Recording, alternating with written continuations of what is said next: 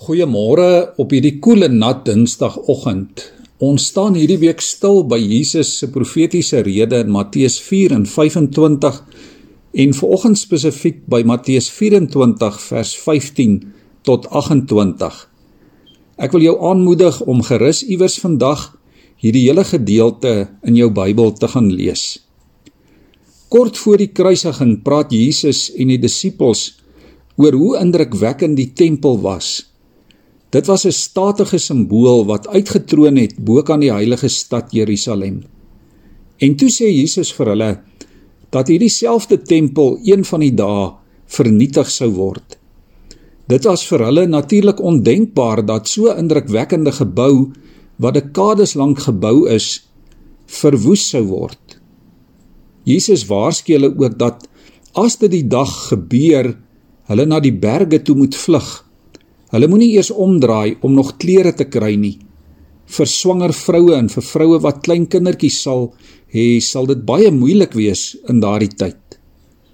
Natuurlik weet ons vanmôre dat hierdie waarskuwing van Jesus waar geword het teen die jaar 68 na Christus toe die Romeine die stad beleer het.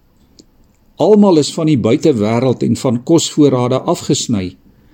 Dit het later so sleg gegaan dat mense mekaar uitgemoor en van honger gesterf het. Die Romeinse generaal Titus het Jerusalem ingeval. Duisende mense is doodgemaak en die heiligste plek op aarde, die tempel, is tot op die grond verwoes. Dit was vir die Jode die mees traumatiese tyd ooit in die geskiedenis. Veral omdat hulle geglo het dat God nooit sal toelaat dat die tempel vernietig word nie en dat hy sy volk teen hulle vyande sou bewaar. Hierdie verskriklike swaar kry tyd het diep littekens gelaat op die Jode en ook op die Christene van daardie tyd. Jesus het hulle ook vooraf gewaarsku om hulle nie te laat mislei deur valse profete en valse messiasse wat in daardie tyd op die godsdienstige toneel sou verskyn nie. Wanneer die seun van die mens egter kom aan die einde van die tyd, sal dit skielik wees, sê Jesus, soos 'n weerligstraal wat die donker hemel verlig.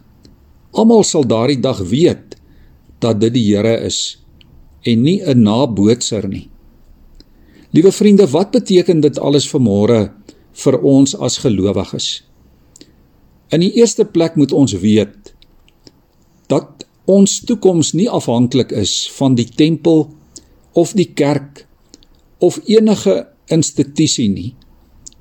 Ons kan soos die psalmdigter van ouds in Psalm 121 as ons opkyk na die hoë berge, na die omstandighede rondom ons en as ons wonder waar sal my hulp vandaan kom ook in die jaar 2021 kan ons weet ons hulp kom net van die Here van hom wat die hemel en die aarde gemaak het. Die beskermer en die bewaarder die een wat nooit sluimer of slaap nie die skaduwee aan ons regterhand. En ons kan geestelik waaksaam en wakker en gereed wees en aanhou bid dat die Here ons geestelik staande sal hou. Ek lees vir ons uit 2 Petrus 3 vers 10 tot 15 Maar die dag van die Here sal so onverwags soos 'n dief kom. En op die dag sal die hemel met 'n groot gedruis verdwyn. Die hemelliggame sal brand en tot niet gaan en die aarde met alles wat daarop is vergaan. Aangesien al hierdie dinge so aan hulle einde gaan kom, moet julle des te meer vroom en aan God toegewy lewe. Leef in verwagting dat die dag van God kom en beywer julle ook daarvoor die dag waarop die hemel in vlamme sal vergaan en die hemelliggame sal brand en wegsmelt. Maar ons leef in die verwagting van 'n nuwe hemel en 'n nuwe aarde wat God beloof het en waar die wil van God sal heers. Daarom geliefdes, terwyl julle hierdie dinge verwag, moet julle julle daarvoor beywer om vlekkeloos en onberispelik voor God en in vrede met hom te lewe en beskou die geduld wat ons Here met ons het as 'n geleentheid om gered te word. Kom ons buig ons hoofde in gebed. Here, soos die gelowiges deur die eeue sien ons vandag ook soveel tekens rondom ons. En ons hoor soveel stemme wat ons maklik kan verwar.